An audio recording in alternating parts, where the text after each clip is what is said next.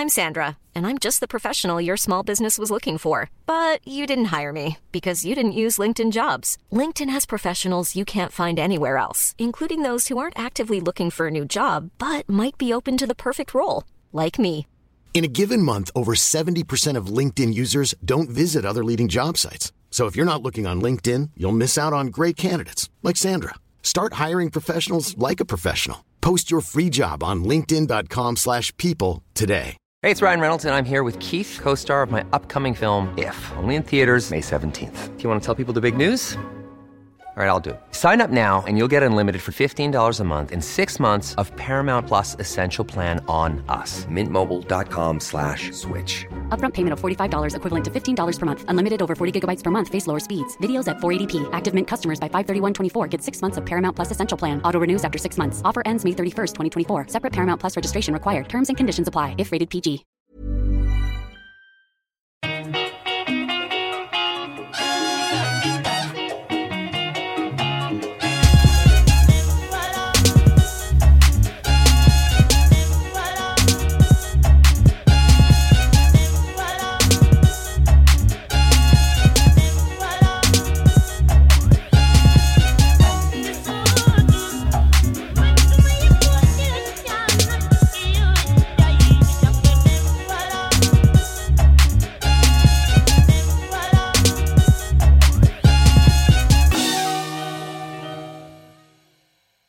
Hej och välkomna till Svart historia med mig, Amat Levin. Och gott nytt år. Det här blir den första podden för 2023. Innan vi börjar får ni gärna titta in på patreon.com svarthistoria där ni kan få tillgång till bilder och kartor som hör till de här avsnitten. Men också till bonusepisoder och avsnitt som är helt fria från reklam. Och samtidigt så gör ni ju det möjligt för mig att eh, fortsätta lägga ner all den här tiden som krävs för att göra podden. Annars får ni också gärna dela den på sociala medier, rekommendera den till någon eller ge den ett betyg eller en recension på poddappen som ni lyssnar på. Jag har sagt det förut, men den här podden görs ju inte av en stor redaktion eller ett produktionsbolag, utan det är bara jag som gör den. Så att all form av hjälp hjälper verkligen mig att hålla podden vid liv. Men nog om det. Dagens avsnitt handlar om det transatlantiska slaveriet, vilket nog är det många tänker på när de tänker på det svarta Afrikas historia. Jag skulle tippa på att det ligger i topp, kanske i konkurrens med kolonialismen. Ändå får jag intrycket av att det för många är ett ämne som präglas av frågetecken. Folk vet i regel att det har hänt, men inte så mycket om varför hur det började eller hur långtgående konsekvenserna av det var. Min erfarenhet är också att det ofta blir ett ensidigt fokus på USA. Ungefär som att den största delen av den transatlantiska slavhandeln skulle ha skett mellan Afrika och USA. Och det är väldigt långt ifrån sanningen. De kommande två avsnitten är därför en djupdykning i det transatlantiska slaveriet Ämnet är egentligen för stort för att få plats i två avsnitt så här, men så i framtiden kommer jag att göra fler episoder som fungerar som nedstick på mer specifika händelser i den här delen av vår världshistoria. Ni som har hört min trilogi om den haitiska revolutionen vet ju att jag redan tjuvstartat med det. Och jag säger vår världshistoria med flit för att det transatlantiska slaveriet är minst lika mycket vit och europeisk historia som svart och afrikansk. Huvudpoängen med de här två avsnitten är inte att vara heltäckande, att försöka pricka in alla aspekter av det transatlantiska slaveriet. Jag vill istället ge er en övergripande bild så att ni känner att ni får bättre koll på hur slaveriet inleddes vad det var som drev på det och vad det var som gjorde att det kunde fortsätta i över 400 år. Del två kommer att handla mer om slavhandelns guldålder, hur livet var för de som förslavades och vilka obscena mängder pengar som slavhandlarna tjänade.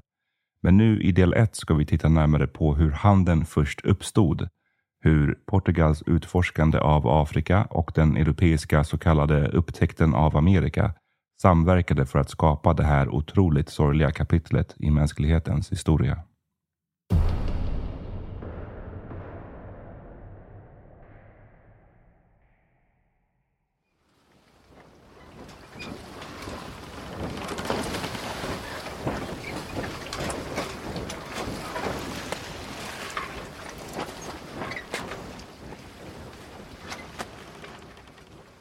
I januari år 1482 anlände en portugisisk flotta till det vi idag känner till som Ghana. Ombord fartygen fanns hundratals soldater och flera kanoner, men också murare och diverse byggmaterial, från små spikar till stora grundstommar. De la ankare i en bukt där det grönblåa vattnet var förhållandevis stilla och vågorna små. När de gick i land möttes de av en bred sandstrand som kantades av höga, vajande palmer. Den starka solen pressade upp temperaturen till 30-strecket och fukten gjorde luften svår att andas. Intill stranden låg en by som delades i två av en liten flod. Portugiserna slog sig ner vid en upphöjning precis i början av bukten. En strategisk plats som gav dem en överblick över omgivningen, både ut mot havet och inåt landet. Där höjde de en flagga som fladdrade i den varma brisen. Diogo de Azambuja, kaptenen och ledaren för expeditionen, hade tagit på sig sina allra finaste kläder. I skuggan av ett träd satte han sig på en hastigt uppförd tron medan han väntade. Efter en stund möttes portugiserna av en välkomstkommitté. Längst fram gick en orkester. Deras trummor och trumpeter gav ifrån sig ett öronbedövande ljud. De följdes av en samling aristokrater som ackompanjerades av sina unga betjänter som bar fina tyger för de seniora att sitta på. Även en grupp soldater beväpnade med spjut, sköldar och pilbågar följde dem. Till sist kom den som Diogo de Azambuja väntat på. Kwamena Ansa, en så kallad Omanahene, alltså en lokal kung, hövding eller högsta ledare. Kungens hals, ben och armar var täckta av guldsmycken. Han hade till och med guld inflätat i håret och i skägget. Diazambuja och Kwamena Ansa tog i hand Gåvor utbyttes och förhandlingarna kunde börja.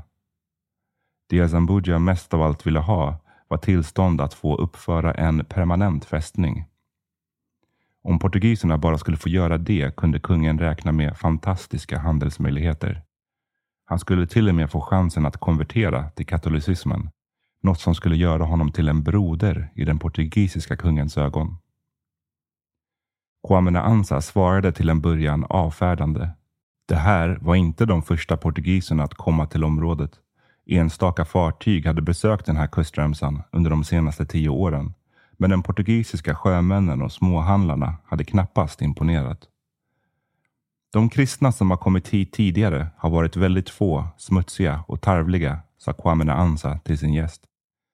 Kanske var det därför Diogo de Azambuja hade tagit på sig en så fin utstyrsel det här uppdraget var för viktigt för att falla på ett dåligt första intryck.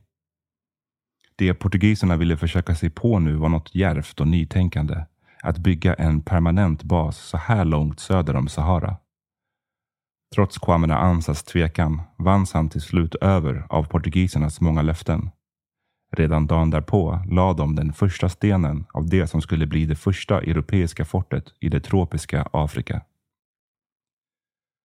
Portugiserna kallade hela området och nu fortet de skulle bygga på det för Elmina, gruvan. Och det var just utvinnandet av guld som hade lockat dit dem. Men det var handeln med en annan typ av vara som skulle få ödesdigra konsekvenser och lägga grunden för världen du och jag lever i idag.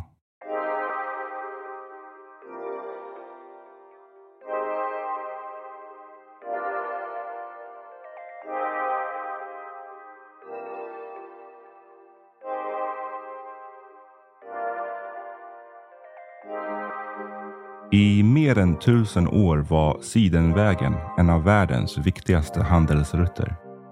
Den bestod av en mängd förgrenade vägar som tillsammans skapade ett nätverk som knöt ihop Kina med Europa via Centralasien, Indien och Mellanöstern.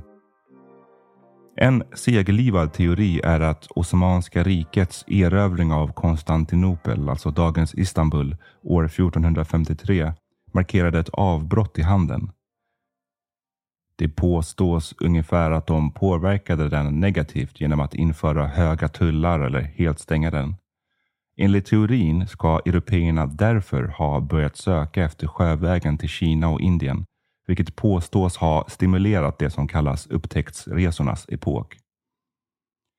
Teorier som så tydligt skapar ett orsak och verkan samband mellan två kända skeenden i världshistorien blir ofta populära.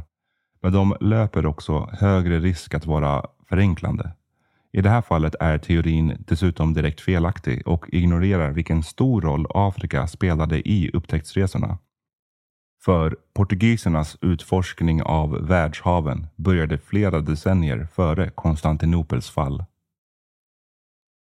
Det verkliga genombrottet för Europas upptäcktsresor skedde år 1415 när Portugal under ledning av prins Henrik hade siktet inställt på handelsstaden Ceuta. Och jag vet att det här kan uttalas på lite olika sätt. Jag har sett Ceuta eller Septa till exempel. Men för konsekvensens skull kör jag på den här varianten. Stan ligger i de nordligaste delarna av nuvarande Marocko och är idag ett spanskt territorium. Men i början på 1400-talet var Ceuta en av de viktigaste handelsstationerna i hela Medelhavet. Fortet var en av de afrikanska slutdestinationerna för den ofantligt lukrativa transsahariska guldhandeln som vi pratade om i avsnitt 5. Och i den här stan lastades de värdefulla mineralerna ombord skepp som förde dem norrut mot Europa. På mitten av 1300-talet spelade Maliriket en avgörande roll för att stora och regelbundna laster med guldstoft nådde Europa. Men i början på 1400-talet när Mali befann sig i nedgång blev leveranserna färre.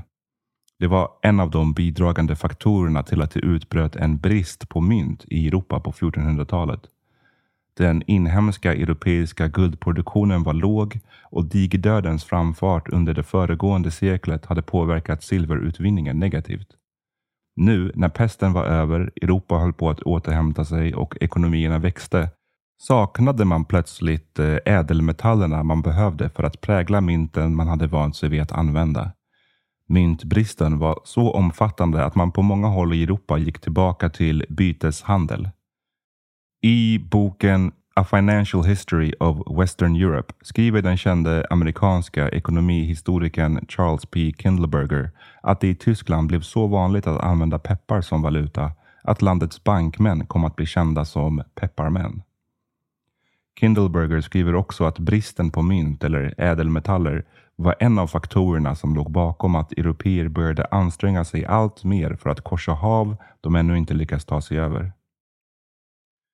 Portugisernas attack mot Ceuta skedde snabbt och plötsligt en augustidag år 1415.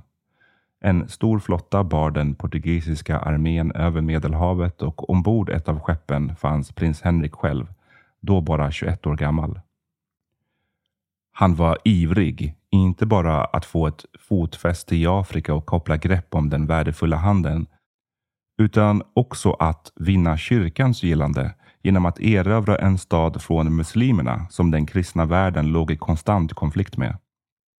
Erövringen av Ceuta tog bara 13 timmar och efteråt var portugiserna övertygade om att de genom att ta över fästningen hade hittat nyckeln till resten av Afrika.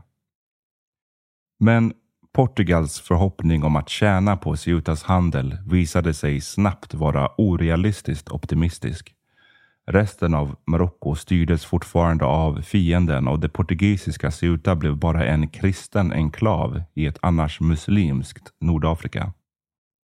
Muslimerna la helt enkelt om handelsvägarna.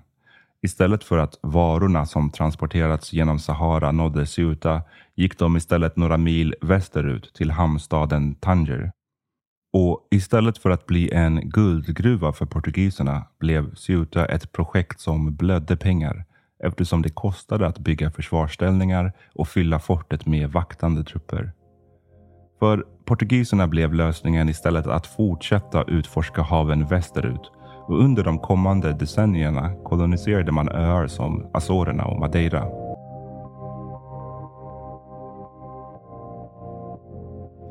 Idén att utforska Afrikas västra kust är uråldrig. Redan 500 år före Kristus gav sig en man vi idag känner till som Hanno sjöfararen ut på havet. Han var från Kartago, ett antikt kungadöme med bas i dagens Tunisien och tros ha varit högt uppsatt, kanske medlem av aristokratin eller en militär officer. Enda källan till resan är en skrift han lämnade efter sig men som inte finns i originalspråk utan i en grekisk översättning. Texten beskriver hur Hanno seglar ned för den västafrikanska kusten, grundar bosättningar och eventuellt kommer i kontakt med gorillor. En vanlig teori är att Hanno lyckades ta sig så långt som dagens Senegal. En annan är att han seglade ända till nuvarande Kamerun. Andra argumenterar för att han bara nådde Marocko. Det råder ingen konsensus och källorna är luddiga och öppna för tolkningar. Men lyckades han ta sig så långt som Senegal eller till och med Kamerun var han väldigt mycket före sin tid. För på 1400-talet efter Kristus, när portugiserna blickade mot Afrika, var resor ute på öppet hav fortfarande förenat med livsfara. Starka strömmar, oväder och förrädiska kustremsor kunde alla innebära slutet för sjömän och det var långt ifrån en garanti att den som gav sig ut på haven faktiskt kom tillbaka. För europeiska sjömän hade Kap Bujdor länge markerat ett gigantiskt hinder. Det är en udde i det som idag är Västsahara och där dimman ofta ligger tät, strömmarna drar skeppen åt olika håll och vindarna blåser starka. Med tiden blev området mytomspunnet. Det sades att klimatet längre söderut var så pass varmt att hettan fick havet att koka, att solens strålar kunde få skeppen att antända och att vidunderliga sjöodjur lurade under ytan. Flera fartyg som försökt runda udden och fortsätta söderut hade aldrig återvänt. Även arabiska sjömän var välbekanta med området.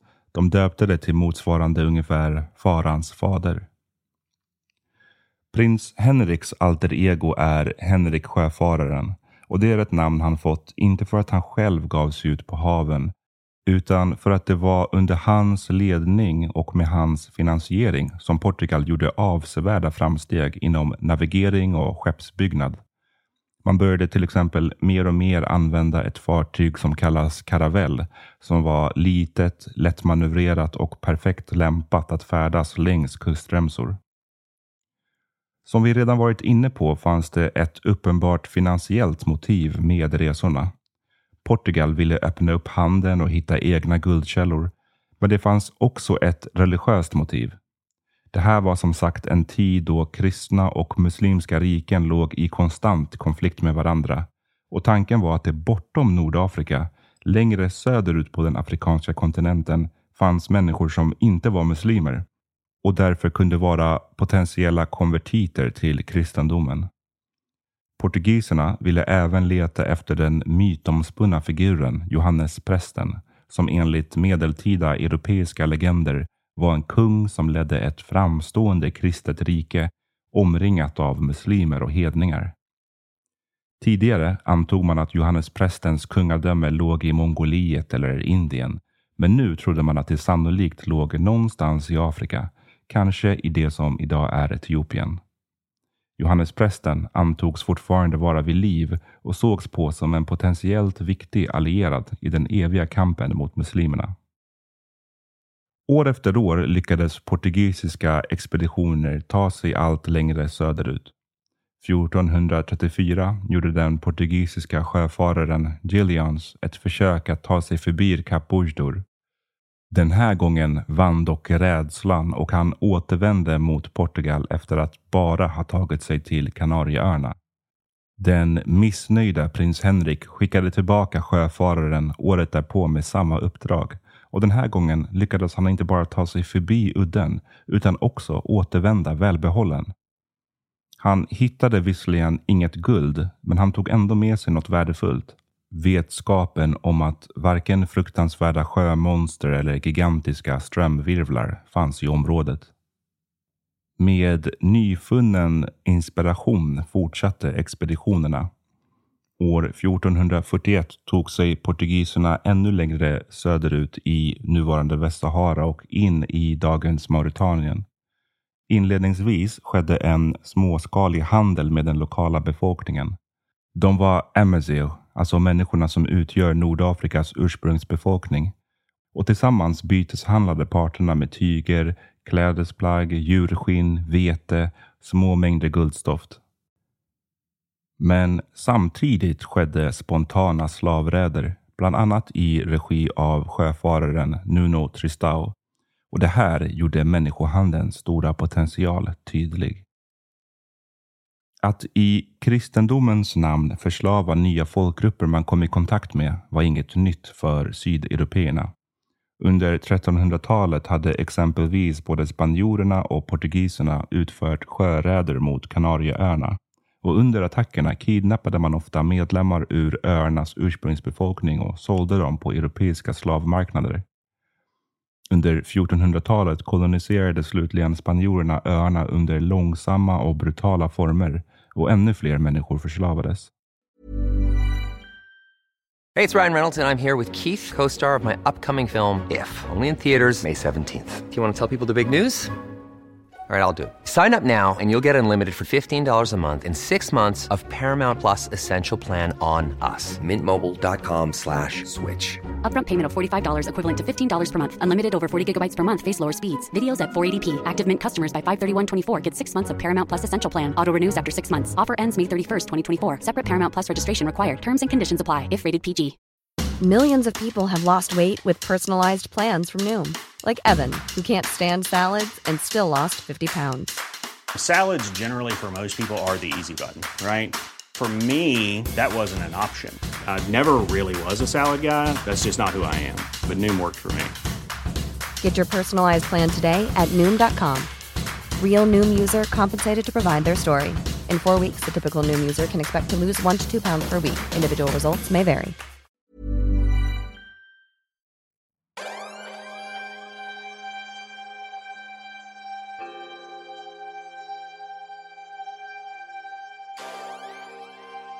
Gomes Ians de Surara var en portugisisk man som jobbade i det kungliga biblioteket och som protokollförde hovets förfaranden. I hans The Chronicle of Discovery and Conquest of Guinea från år 1453 hittas ett av de äldsta återgivna exemplen på portugisiska slavräder i Afrika. Boken beskriver bland annat hur köpmannen Lanzarote de Freitas år 1444 ledde en flotta om sex karaveller till Arguinbukten i dagens Mauritanien. Den här gången var handel inte på tapeten. Det uttryckliga syftet var istället att förslava människor. Fartygen attackerade små samhällen längs kusten som bestod av fattiga familjer av fiskare. Både män, kvinnor och barn kidnappades och efter sex veckor ombord i de trånga och stinkande lastutrymmena på skeppen nådde fartygen Lagos i södra Portugal. Fångsten bestod av 235 människor, utmattade och skräckslagna. I texten skriver Desurara citat. Vissa hade böjda huvuden och ansikten som badade i tårar medan de tittade på varandra. Andra jämrade ömkligt, tittade mot himlen, deras ögon fixerade på den och ropade ut som om de bad universums far om hjälp. Slutcitat. Besättningen och fångarna möttes av en stor folksamling, ivriga att få se spektaklet. En av dem som närvarade var prins Henrik själv, som från ryggen på sin häst bevittnade uppståndelsen. Han måste ha varit nöjd för 46 av de citat bästa slavarna hade reserverats för just honom. För att distribuera resten av de blivande slavarna fördelades de i olika grupper.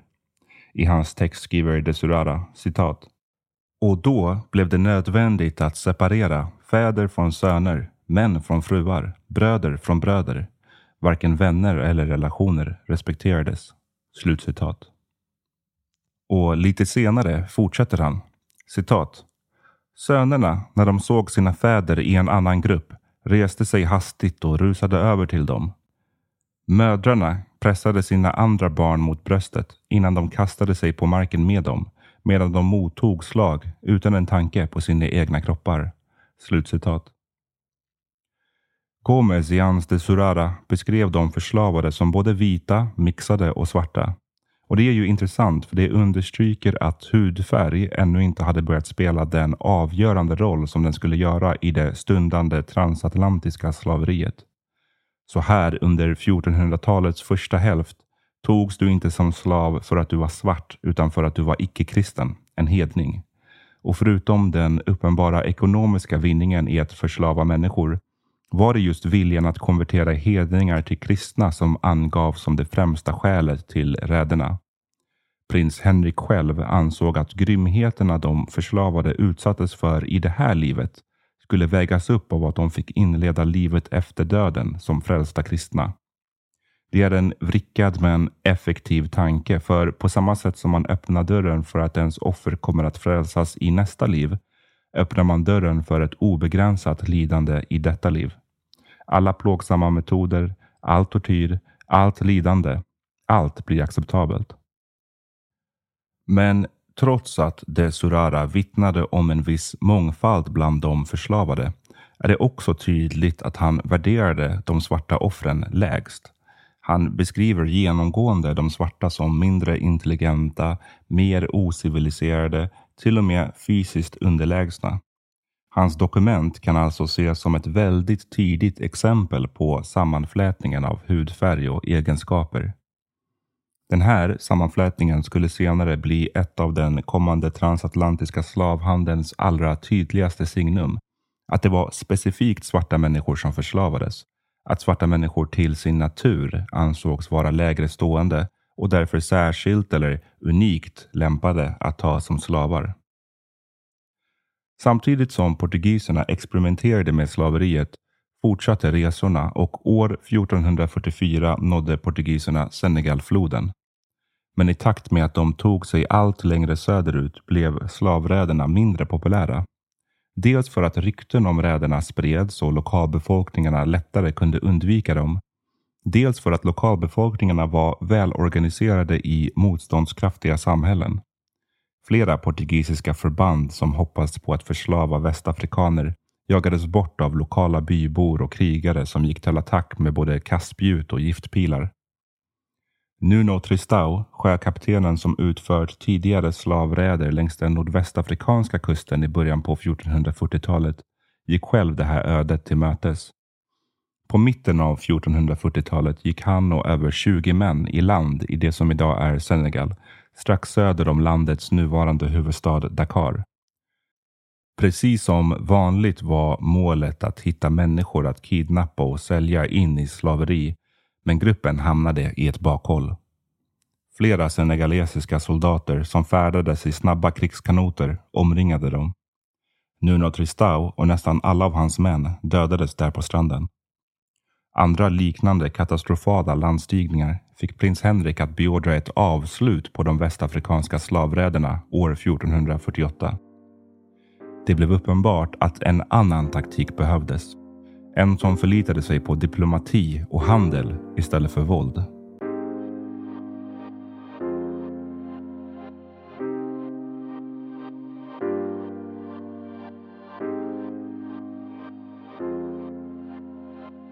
Kusten i det som idag är Senegal utgjordes av Jolof eller Wolofriket. Tittar ni på en karta sträckte det sig ungefär från Senegalfloden i norr till Gambiafloden i söder. Något som gjorde det särskilt lämpat för handel. Det hade tidigare varit den allra västra provinsen av Maleriket, det stora västafrikanska imperiet som vi pratade om i förra huvudavsnittet. Men under andra hälften av 1300-talet när Mali skakades av en serie konflikter om tronen bröt sig Wolof-folket loss och skapade sitt eget kungadöme. Både rike och kungadöme är egentligen missvisande för det fungerade inte som en sammanhållen stat utan som en slags konfederation av flera kungadömen. Det här var ett av de allra tidigaste rikena att gå med på ett fredligt handelsförhållande när portugiserna bytte sina svärd mot varor. Det som handlades med var exempelvis guld och elfenben men också förslavade människor. Och här kommer vi till en viktig punkt i avsnittet. Jag var inne på det i episoden om Maleriket, men det tål att upprepas. Ofta när det transatlantiska slaveriet kommer på tal dyker det upp de som påpekar att det minsann fanns ett inhemskt slaveri i Afrika långt innan europeer kom dit. Och det är sant, men det säger inte lika mycket som den här typen av människor ofta tror. Anledningen till att de gärna vill ta upp det inhemska slaveriet eller den muslimska slavhandeln är ofta att de vill ursäkta den transatlantiska varianten som följde. Att understryka att den inte var så farlig eftersom afrikaner och muslimer sysslade med samma sak. Den här sortens tänkande har nästan alltid den bakomliggande agendan att försöka minimera det hemska i det som hände. Och jag personligen är totalt ointresserad av den sortens ursäktande. För slaveri är till sin natur något fruktansvärt, oavsett vad det sker och för den som utsätts för det är det en katastrof. Med det sagt finns det stora skillnader mellan olika typer av slaveri och jag tycker att man måste kunna titta på och göra jämförelser utan att allt reduceras till relativisering eller ett bagatelliserande av det som hände. Så låt oss titta på några av skillnaderna. Som jag ofta brukar upprepa är Afrika en massiv kontinent med en ofantlig mängd mångfald vad gäller folk, kulturer, språk, religioner och traditioner.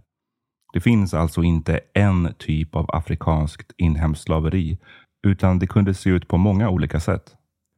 Att slaveri fanns i Afrika innan européerna kom dit är heller inget unikt. Slaveri är tyvärr starkt förknippat med människan. Historiskt omnämns slaveri i några av människans äldsta skriftliga källor och har varit en del av vår historia i tusentals år. Från civilisationens vaggor som Mesopotamien och Egypten till antikens Rom och Grekland. Från Centralamerikas mayakultur till medeltida Japan. I Sverige var trälarna en form av slavar på vikinga och medeltiden. Fram tills för bara 100-150 år sedan var slaveri en vanligt förekommande del i många samhällen runt om i världen. Det är tiden vi lever i nu som är unik med sitt nästan universella fördömande av slaveri. Och då ska man veta att slaveri fortfarande finns på flera håll idag. Och trots att de flesta har en specifik bild av vad slaveri är finns det många olika typer och definitioner, vilket är en källa till förvirring. Moderna breda definitioner inkluderar exempelvis tvångsarbetare som jobbar under hot om våld, extrem fattigdom eller fängelse, även om de inte rent rättsligt räknas som någon annans egendom som kan köpas och säljas. En annan form är när någon tvingas arbeta för att betala av en skuld eller när en person är så fullkomligt beroende av sin minimala lön för att överleva. Livegenskap refererar till situationer där arbetare är knutna till marken de bor på. De tvingas betala skatt och får sällan flytta eller gifta sig som de själva vill. Sen finns även sexuellt slaveri, vilket sannolikt är den mest förekommande typen i västvärlden idag.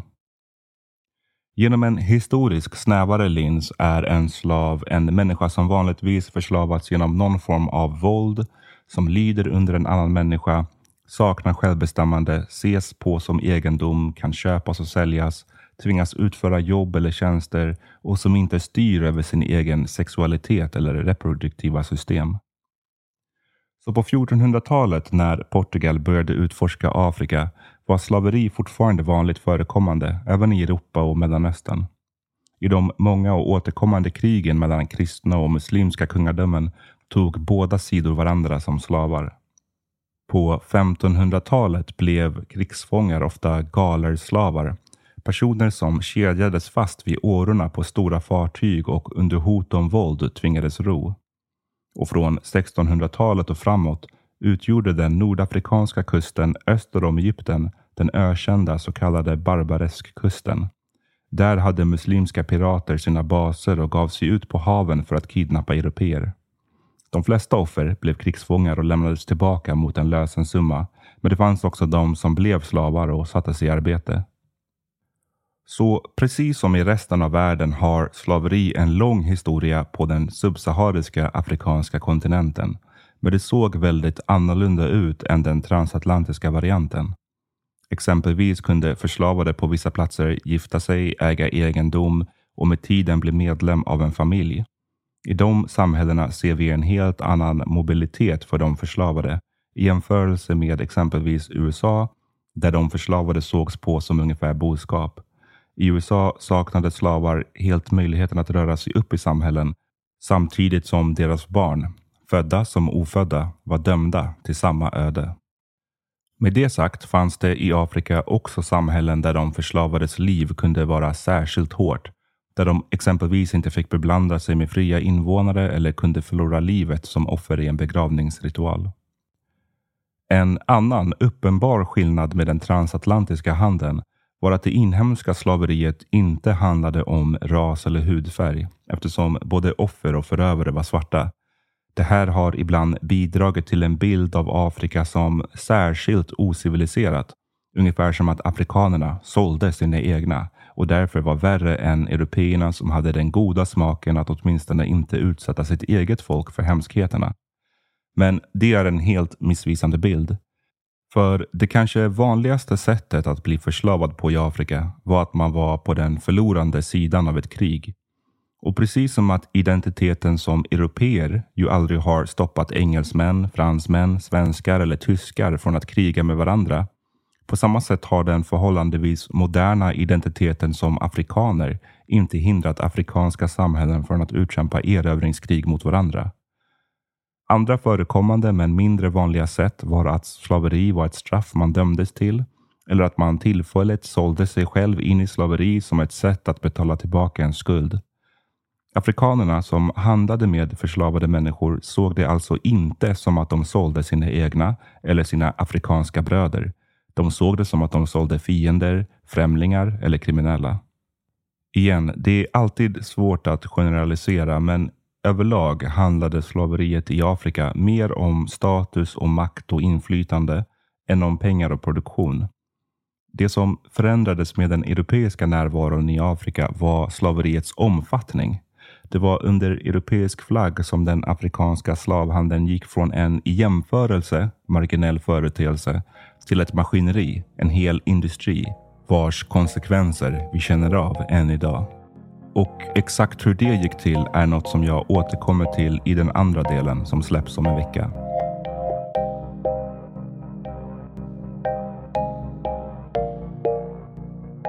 På mitten av 1400-talet var det fortfarande guld som portugiserna mest ville åt och vid det här laget hade handeln med västafrikanska riken visat sån potential att den portugisiska kronan kontrakterade den berömda portugisiska handelsmannen Fernão Gomes.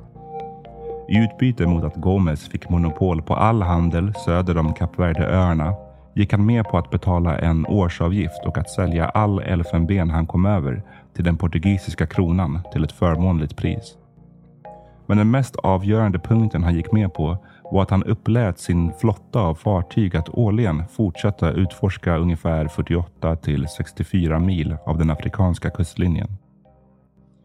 Med den nya överenskommelsen avlöste framstegen varandra.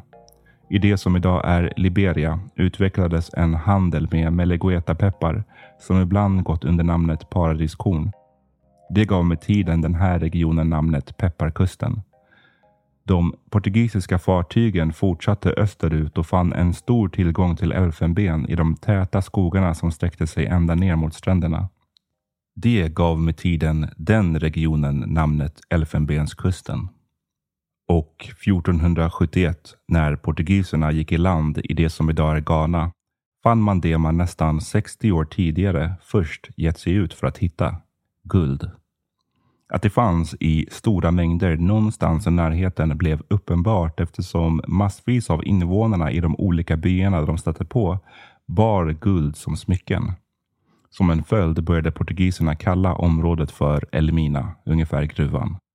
Med samma tradition av namngivning skulle hela regionen senare bli känd som Guldkusten. Det portugiserna bytte mot guldet var klädesplagg, men främst olika typer av metaller.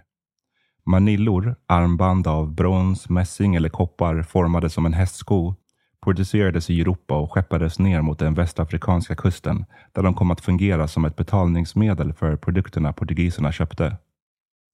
Traditionen av järntillverkning sträcker sig flera tusen år tillbaka i Västafrika så de afrikanska samhällena som portugiserna kom i kontakt med hade tillgång till egna järnverktyg och vapen. Problemet var att mineralerna fanns i rätt små kvantiteter så därför blev det mer attraktivt för afrikanerna att importera det från portugiserna. Manillorna var inget nytt fenomen. Tidigare hade man importerat dem från Nordafrika, så det blev inte en ny marknad, snarare en ytterligare. Andra former av valuta som användes i Väst och Centralafrika var tyger och ännu mer kaurisnäckor som importerades från muslimska handelsmän ända från Indiska oceanen.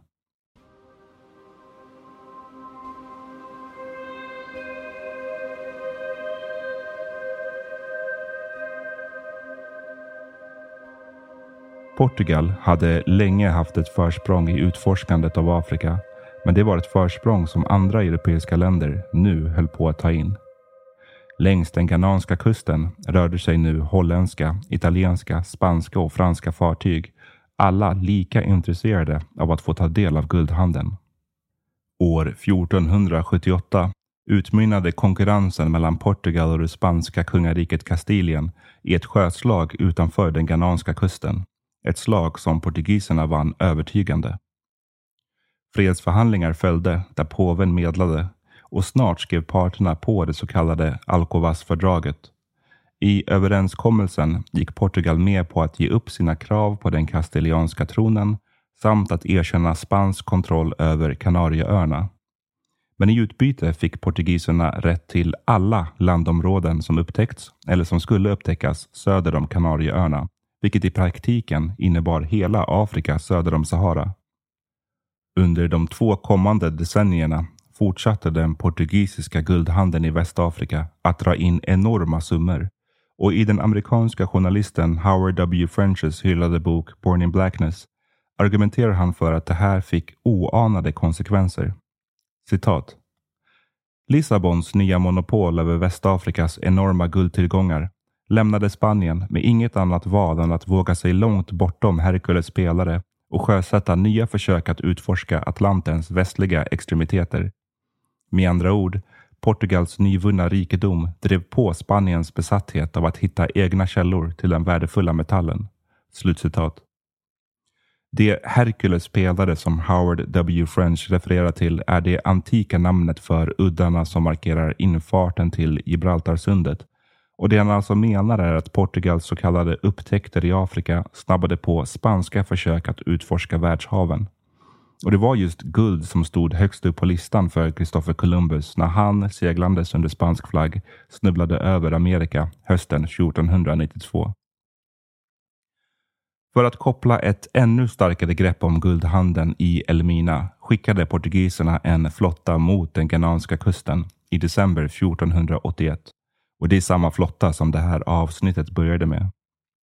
Portugiserna hade som sagt tidigare kallat området för Elmina, alltså gruvan, och fortet som de nu började bygga fick samma namn. Befästningen finns fortfarande kvar och är idag känd som Elmina Castle. Jag har själv besökt det år 2014 när jag var i Ghana.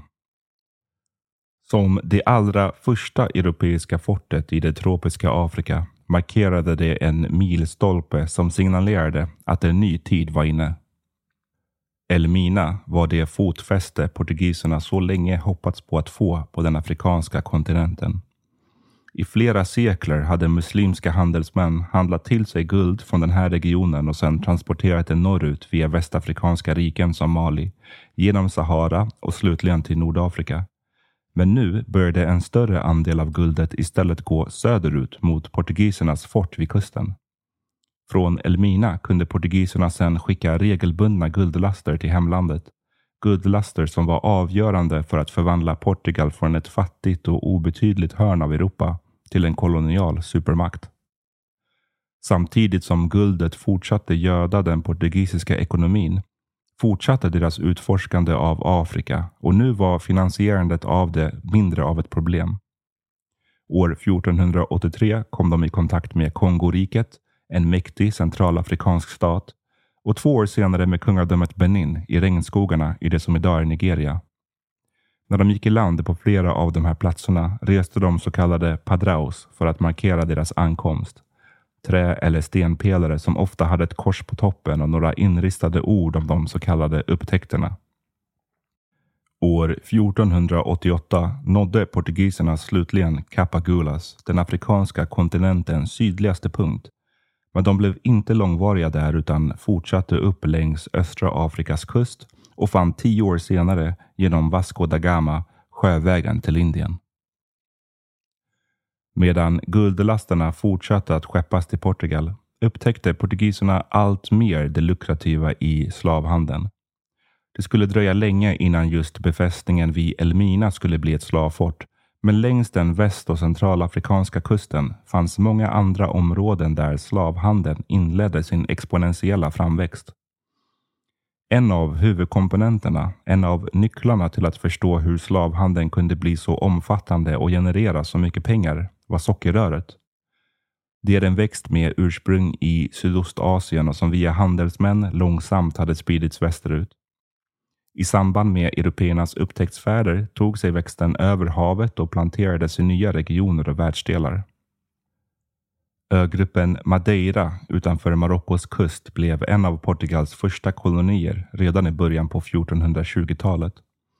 Där introducerade de sockerröret och några decennier senare gick produktionen på högvarv i allt större utsträckning med hjälp av afrikanska slavar. Under några år i början på 1500-talet var Madeira en av världens främsta sockerproducenter. Men vid den här tiden hade europeer hittat till Amerika, vilket skapade väldiga kommersiella möjligheter. Istället för små öar i Atlanten eller utanför den afrikanska kusten hade man nu plötsligt hittat nya hela världsdelar att lägga under sig med till synes oändlig mark att odla och oöverskådliga mängder metaller att utvinna. Men för att göra det möjligt och dessutom göra det så snabbt och inkomstbringande som det bara gick krävdes en gigantisk arbetskraft av sällan skådat slag. Slavhandeln var nu redo att gå in i en ny fas. En fas förenad med en omätbar mängd pengar, våld och lidande.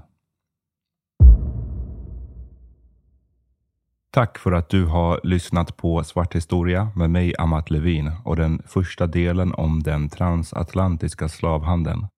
Nästa vecka släpps nästa del där vi som sagt kommer att titta mer på hur livet var för de som förslavades. Vi ska också bland annat konstatera att endast 4 procent av alla slavar hamnade i USA och undersöka på vilka sätt slaveriet i USA utmärkte sig från slaveriet på andra håll. Vi hörs då.